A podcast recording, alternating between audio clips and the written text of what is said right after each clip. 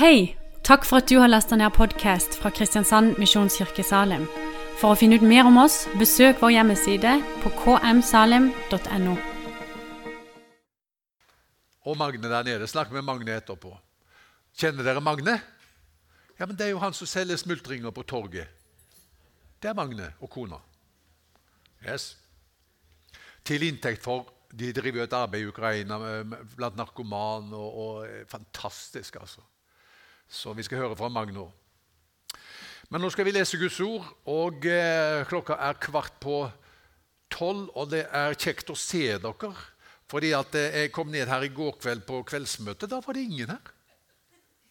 Så jeg trodde jeg skulle tale her i går kveld. Men det var ingen der. Så der hadde jeg tatt feil. Det, det møtet var avlyst. Så det var jo i dag det jeg skal tale. Men nå har jeg jo forberedt noe kolossalt mye. For jeg har jo forberedt meg både til i går og i dag.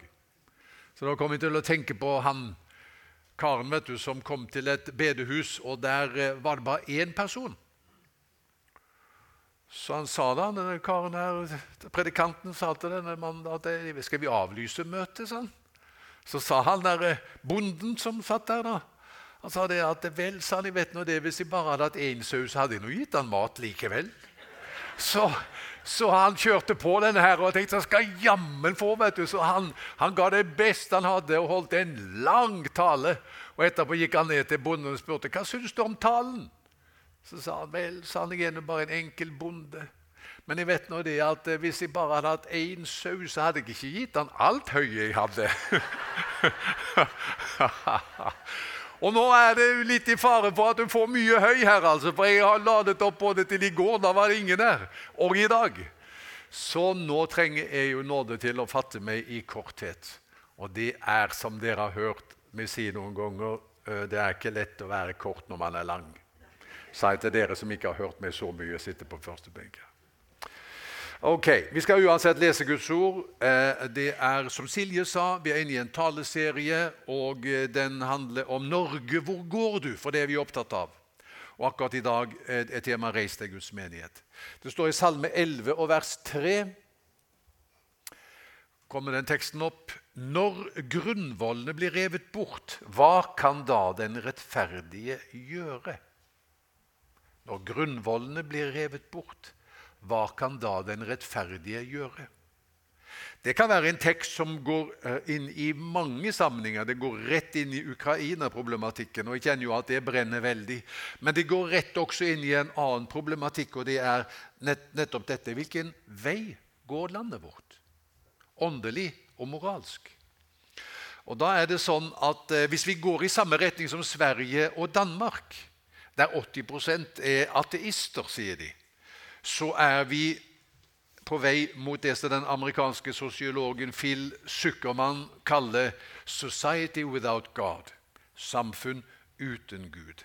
Vi ser det i landet vårt, at grunnvollene blir revet bort. Å se på Norge er som å se på et isfjell. Og vi vet at Når det gjelder isfjellet, så er det en synlig del som er lett å legge merke til, og så er det en usynlig del som er større og som vi jo da ikke ser som er under vannoverflaten. Og Når vi ser på Norge og toppen av isfjellet, så ser vi at det i landet vårt er flere ateister enn noen gang. Det er faktisk flere ateister i landet vårt det sa jeg forrige gang jeg talte også, enn det er troende. Og Det fører til en fremmedgjøring i forhold til kristen tro som ikke var i landet vårt før, og skepsis i forhold til kristen tro som ikke var der før. Jeg vet ikke om dere har fått med dere at Oasen skole, der datteren vår gikk for øvrig for noen år siden, eh, de har fått kjøpe Åsane skole i Vågsbygd. Har dere fått med dere det? Ja. Det var litt klabb og babb og noen snubletråder underveis, men de har fått kjøpe den skolen.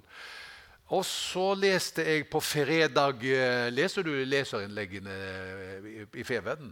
Der sto det følgende, og jeg skal sitere litt derfra, bare for at vi liksom får litt perspektiv på det. Da er det en leser som sier Jeg vil våge påstanden om at ingen barn på selvstendig grunnlag ønsker en skole med mer innslag av kristendom.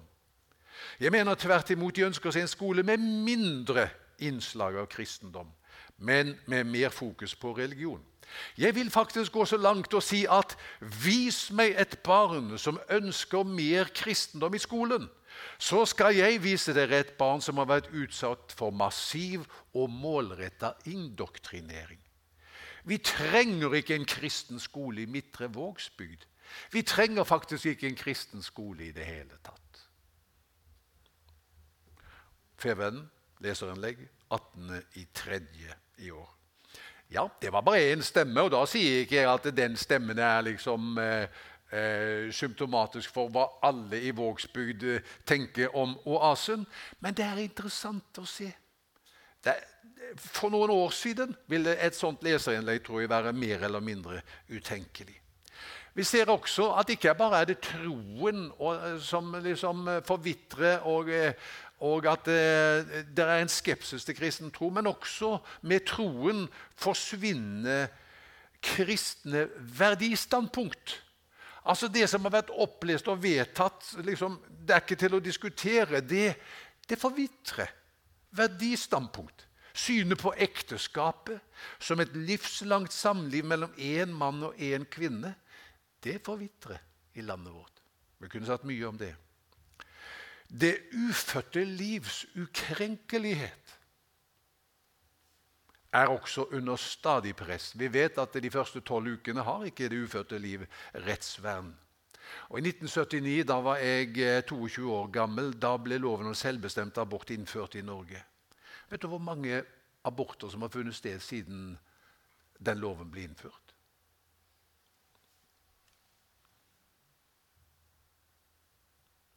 Det er mange. Over 500 000. Vet du hvor mange som døde, hvor mange nordmenn som døde til sammen under første og andre verdenskrig? 12 000. Og Venstre vil foreslå fri abort til uke 18. Rødt til uke 22. Og så leser jeg samtidig at ved uke 22 kan fosteret være levedyktig. Det er ganske alvorlig. Det betyr at på ett rom så kan man, hvis barnet er født tidlig, prøve å berge rommet, berge barnet, og i et annet rom ikke. Og eh, det er mye annet. Jeg ser på ansiktene deres. Dette er, det, går inn hos dere og hos meg, og jeg blir berørt av det. Og er det vår oppgave som menighet liksom, å, å, å snakke, hvis noen har foretatt et abortinngrep, å være strenge med den kvinnen? Absolutt ikke. Den fortvilelse som drev henne dit, den kjenner vi i hjertet vårt, og vi har omsorg. Samtidig registrerer vi at her er det, her er det noe som, eh, som, er på kollisjonskurs med, med kristen tro og etikk. Vet du hva? Forskjellen mellom mennesker og dyr blir også mer og mer utydelig. Jeg har vært med i Dyrebeskyttelsen. Er det noen av dere som har vært med i Dyrebeskyttelsen? Kanskje du er medlem? for å se. Er det noen som er medlem i Dyrebeskyttelsen? God bless you. Det er veldig bra. Da du var liten? Ja, sammen med meg. Nå er jeg ikke med lenger. Men er det viktig å passe på dyr? Absolutt. Skal vi stelle godt med dem? Absolutt. Faktisk er det sånn at vi, hvis det blir en vekkelse i et samfunn, så får dyrene det bedre. Faktisk, Det var en vekkelse i Wales. Da fikk mulleslene det så bra at de lystet ikke ordre lenger. De visste ikke hva de skulle gjøre. Hva skal vi gjøre nå? Fordi at disse som var blitt frelst, var så snille med dem. Det er jo bra, da. Men det er en dame i en dyrevernorganisasjon som heter PITA. Amerikansk. Hør på hva hun sier. En rotte er en gris, er en hund, er en gutt. What? Likhetstegn hele veien mellom en rotte og en gris og en hund og en gutt. Da sier jeg er det mulig? Og Dyrevernfilosofen Peter Singer han sier når han blir spurt er det forskjell på dyr og mennesker. Ja, sier han, men det er også forskjell på mennesker.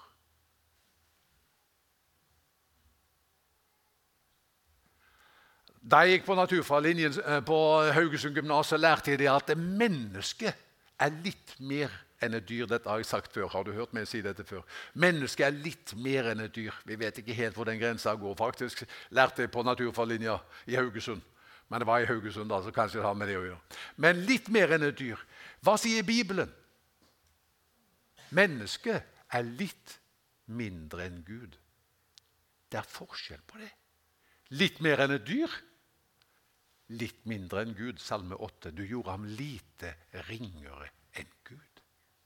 Vi er skapt i Guds bilde. Er det forskjell på dyr og mennesker? Ja visst er det det. Hva er forskjellen? Vi er skapt i Guds bilde. Til å ha samfunn og kontakt med Gud. Det gjør mennesket unikt. Dette står det strid om i dag. Under overflaten Dette er ting vi ser, liksom. Men under overflaten så ser vi at eh, det er noen krefter. da, Hvis vi er tilbake til isfjellet, ta neste bilde der, Geir Åge, så er det tre stikkord. Jeg vet ikke om du kjenner de stikkordene der en gang. Sekularisering, hva betyr det? Det er en voldsom kraft som virker under overflaten. Eh, og som gir seg utslag i avisoverskrifter av ulik slag. Og Det betyr at samfunn og enkeltmennesker distanserer seg fra religiøse autoriteter og normer. Samfunn og enkeltmennesker distanserer seg fra religiøse autoriteter og normer. Sekularisering. Det betyr at man sier, hvis man tror på Bibelen, så sier man Hæ? Vi lever da i 2022. Ting har jo utviklet seg. Kommer du med den gamle boka? Ja, vi tror på Bibelen. Sekularisering den slår inn på veldig mange områder, men det er sånn at eh, institusjon etter institusjon i samfunnet, økonomi, politikk, media Det er områder som har distansert seg fra tro og fra Bibelen. Pluralisme, hva betyr det? da? Det er et stikkord som er ført opp der. Så virker det under overflaten med stor kraft. Er det noen som kjenner det begrepet? Skal vi lære sånne fremmedord når vi, Jeg husker det da jeg gikk på gymnaset. Tilbake til det, så lærte jeg tre ting om fremmedord. For det første skal du vite hva de betyr. For det andre skal du kunne uttale dem. Og for det tredje skal du ikke bruke dem. Så nå har jeg bomma litt der på den tredje. Eh, altså, eh, Du skal ikke bruke dem. Men hva betyr pluralisme? Ja, Pluralisme det betyr sameksistens av forskjellige livssyn som alle er like mye verd. Og i et samfunn som er Vi lever jo Du nevnte Nei, det gjorde du ikke. Du, du sa it takes a village to raise a child. Da kommer jeg til å tenke på Vi lever in a global village. Vi, vi lever i en global landsby, og vi har mennesker med ulike livssyn ved siden av hverandre. Og Da er det viktig uh, med toleranse. Syns vi i Salem at det er viktig med toleranse? Absolutt. Det er kjempeviktig. Skal vi ha respekt for mennesker som tenker annerledes om oss, Avgjort hørte vi Silje tale forrige søndag om det. Dannet overbevisning. Det er kjempeviktig at vi møter mennesker med et annet livssyn, andre verdistandpunkt, med respekt. Vi kan være dypt uenige, men jeg kan dø for din, uh, for din rett til å mene det du mener. Sånn må det være i, et uh, pluralistisk samfunn. Men toleranse handler ikke om at vi ikke skal ha egne standpunkt selv. Det handler om hvordan vi behandler dem som er uenige med oss. ikke sant?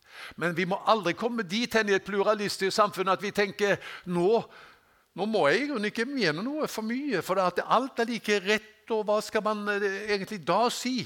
Vet du hva? I et pluralistisk samfunn så er det viktigere enn noen gang at vi sier 'dette tror jeg'. Og du må la røsten lyde tydelig, og samtidig ha, ha altså da, eh, møte andre mennesker med med, det, med, med, at du gir dem verdighet. Som en sa til meg eh, Hvis du har en rose, så nytter det ikke å skjære nesa av noen først, og så be dem lukte på rosa di. Ikke sant? Det hjelper ikke. Og Derfor må vi møte mennesker med respekt, samtidig så vi også kan gi dem rosa vår. Så det er pluralisme. Og det er en utfordring for oss. for hva, hva sier vi? Har du hørt det uttrykket 'enhver blir salig i sin tro'? Som noen som kom til meg og sa ja, du vet, det står i Bibelen 'enhver blir salig i sin tro'. Ja, La lurer på hvor i Bibelen står det? Det står ikke i Bibelen at enhver blir salig i sin tro. Og eh, Hva sier man i Japan? Da har man dette hellige fjellet. Hva heter dette hellige fjellet i Japan? Det husker jeg ikke, jeg heller. Fuji Du kan litt av hvert, du. Men den blå Hva heter det? Svein Gunnar, du kan litt av hvert. Hva heter det fjellet? Fuji? Fuji-film har vi jo vært borti. Fuji heter det fjellet. Og Der sier man at eh, det, jo, det fjellet det er liksom det er liksom det samme hvilken vei du klatrer opp. Du kommer til den samme toppen. Og Enten du er buddhist eller hindu eller muslim eller kristen eller hva du er, vi klatrer opp det samme fjellet, vi kommer til den samme toppen. Er det sant? Det er ikke sant. Hva sier Bibelen? Jeg er veien, sannheten og livet.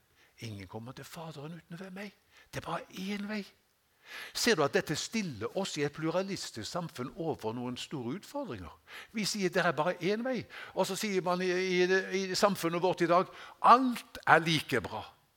Og da sier vi jeg kan ikke være trofast mot Bibelen og si at alt er like bra. Jeg har respekt for deg, men nå skal du høre hva Jesus har gjort for meg, og han sier det. Han er eneste veien. Tredje, som er en, en, greie som virker under overflaten, det er privatisering av tro. Det er egentlig en konsekvens av sekularisering og pluralisme. Det er en privatisering av tro og livssyn. For det innebærer nemlig at nå er det sånn må, I et sekulært samfunn må du gjerne ha en tro, men hold den for deg selv. Når du går på jobb, så henger du av deg ytterfrakken på knaggen før du går inn på kontoret, og der henger du også fra deg din tro. Den har ikke eh, aktualitet eller relevans på jobb. Det hører den private sfære til. Jobben, nei, eh, hjemmet eller interessesfæren i menigheten. Eh, eller eh, liksom blant dine likesinnede. Det er privatisering. Og Hvis vi legger oss under den, hvordan går det da?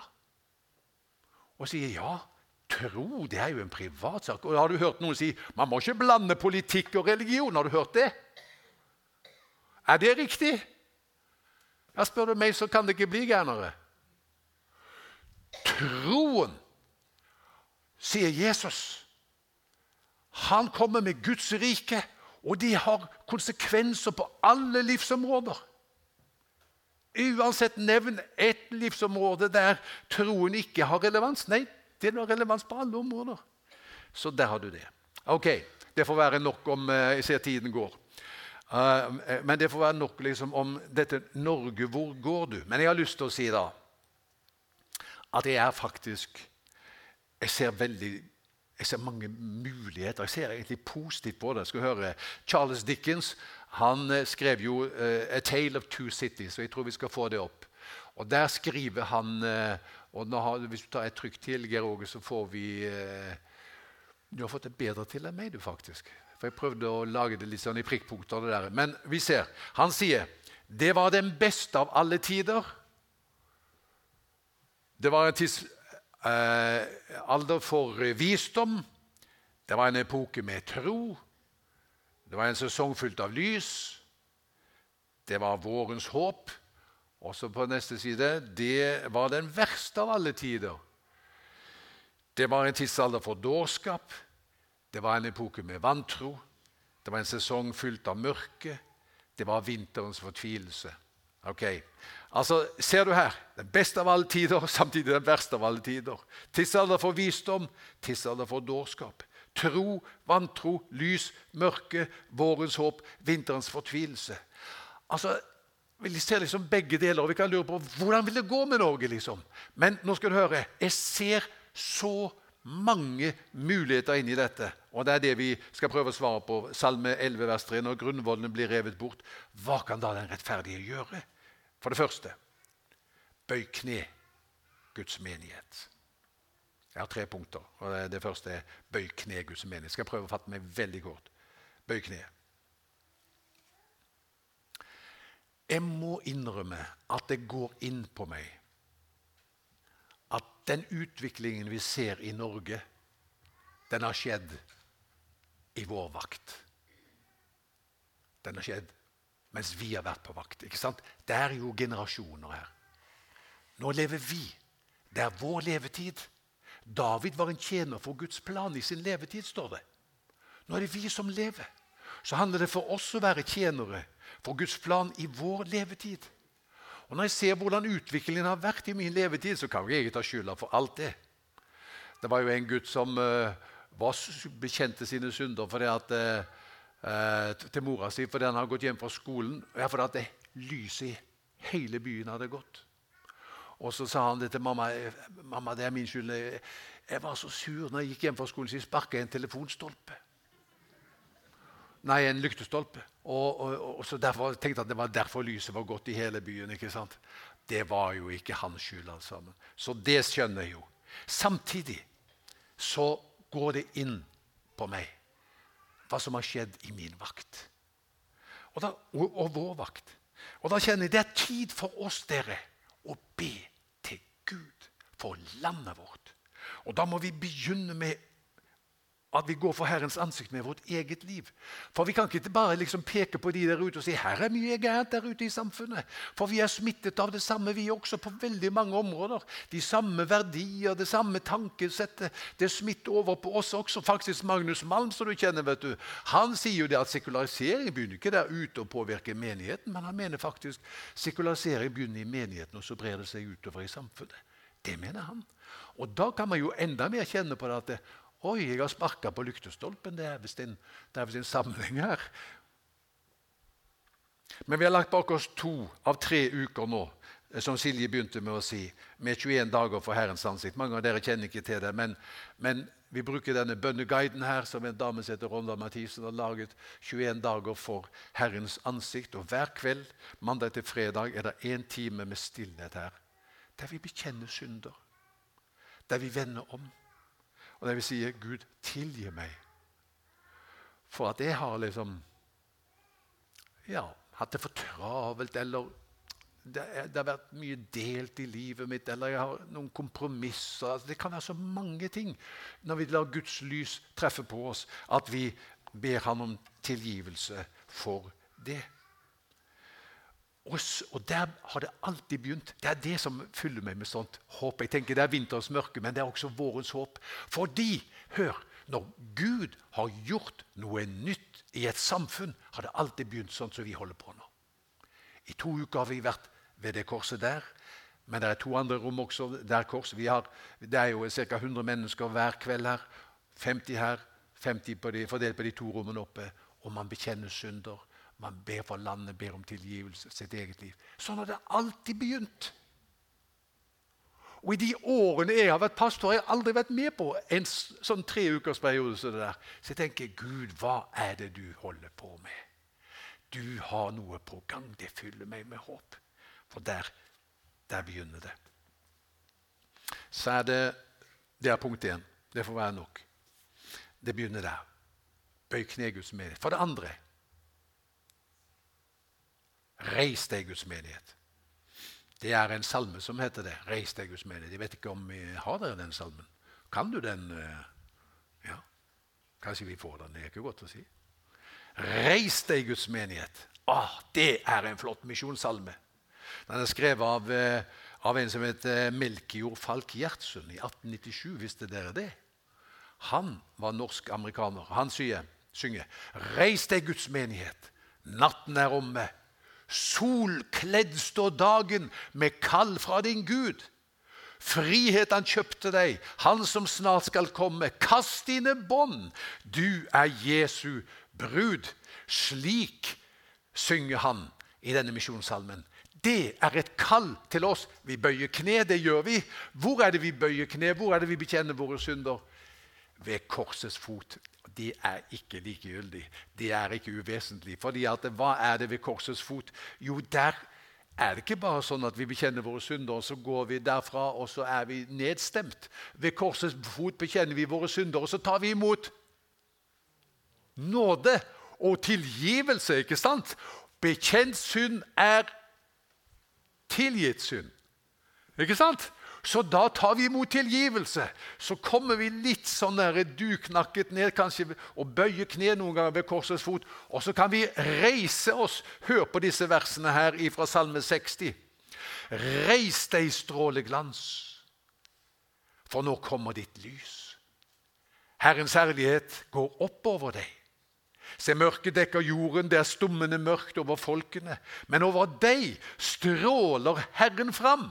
Hans herlighet åpenbares over deg. Mot ditt lys skal folkeslag vandre, konger skal gå mot din solrenningsglans. Reis deg, bli lys, altså i lyset fra korset.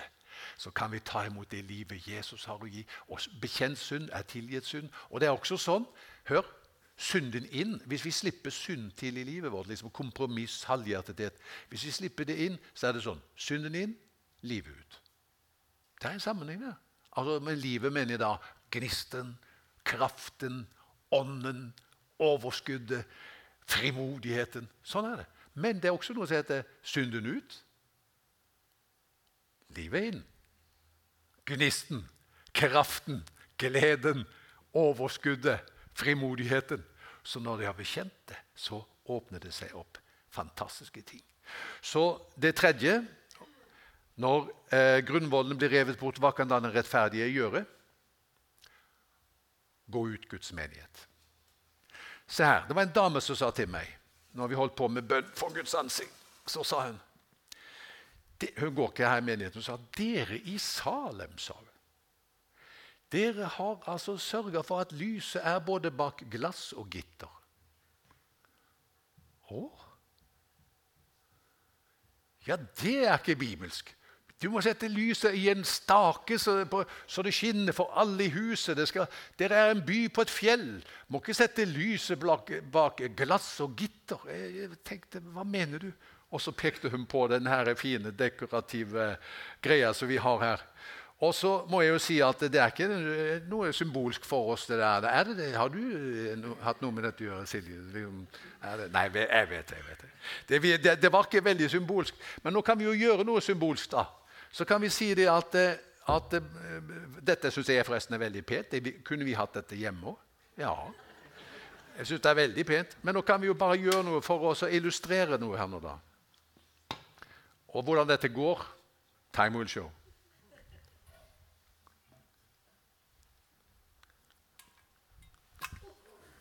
Det der, der var med vilje. Det er nå jeg er litt spent.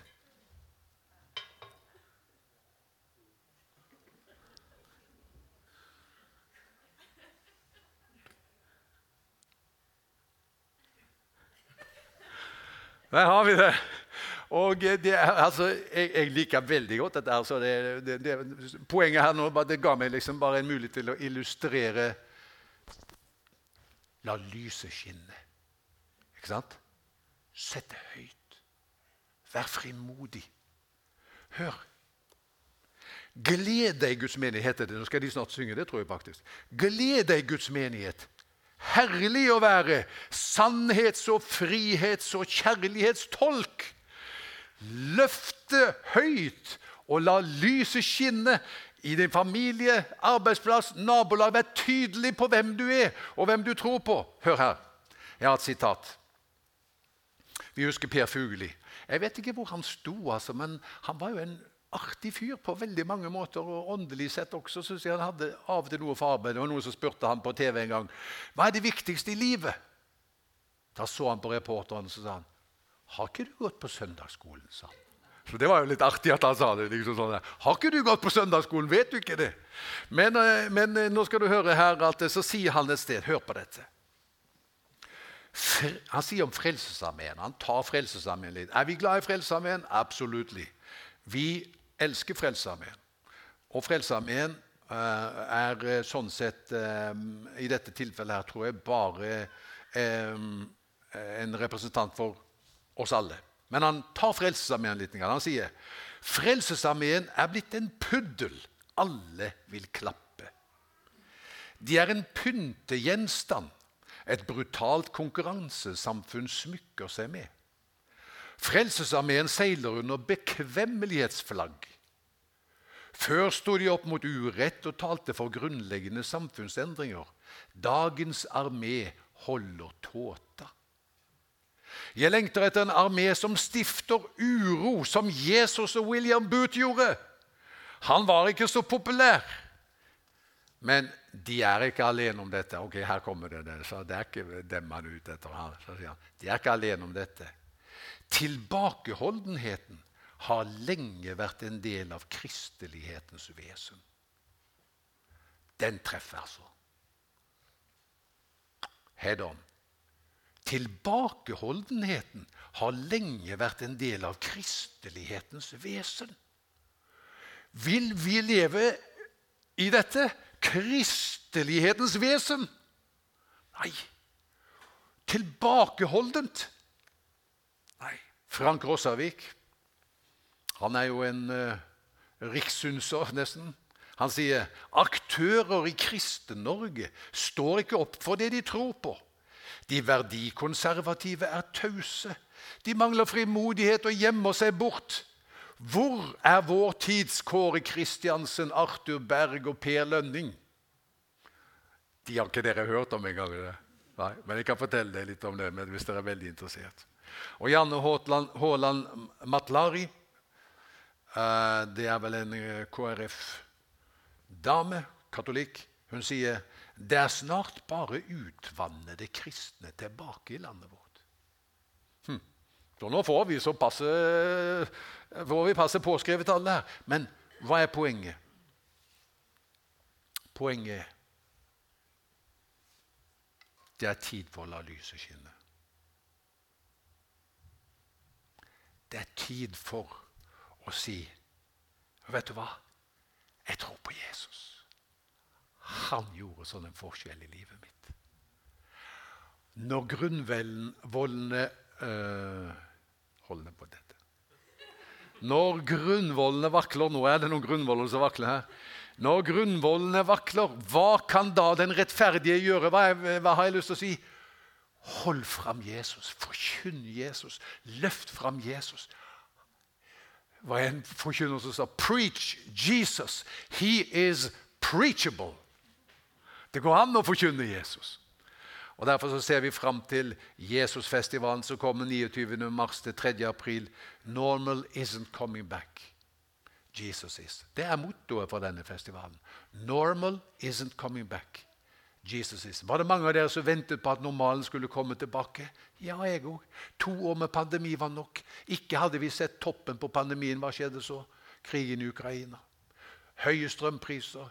Høye, aldri sett sånne eh, pumpepriser på diesel og, og, og, bensin. Matvarepriser. Hva skjer?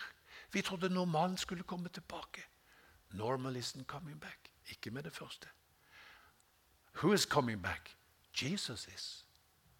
På mange måter. Han vil komme til sitt folk.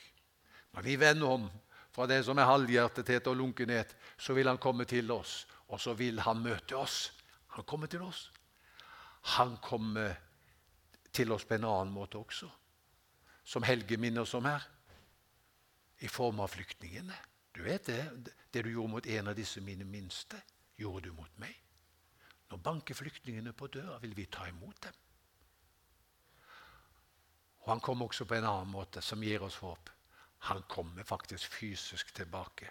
Og eh, vi, På Jesusfestivalen skal vi ha besøk av eh, Truls Åkerlund, og hans favorittsitat er, eh, er følgende Another world is not only possible, she is on her way. On a quiet day I can hear her breathing. En annen verden er ikke bare mulig. Hun er allerede på fremmarsj, eller hun, hun er i ferd med å komme. På en stille dag kan jeg høre henne puste. Wow! Det er det vi tror på. Jesus kommer. Er det håp for verden? Absolutt. Det skal bli en ny himmel og en ny jord. Det gir oss kraft og energi til å gå inn i verden slik som den er i dag, med alt det som er av utfordringer. For han kommer tilbake. Da skal jeg ta ned dette så det ikke skjer noe i løpet av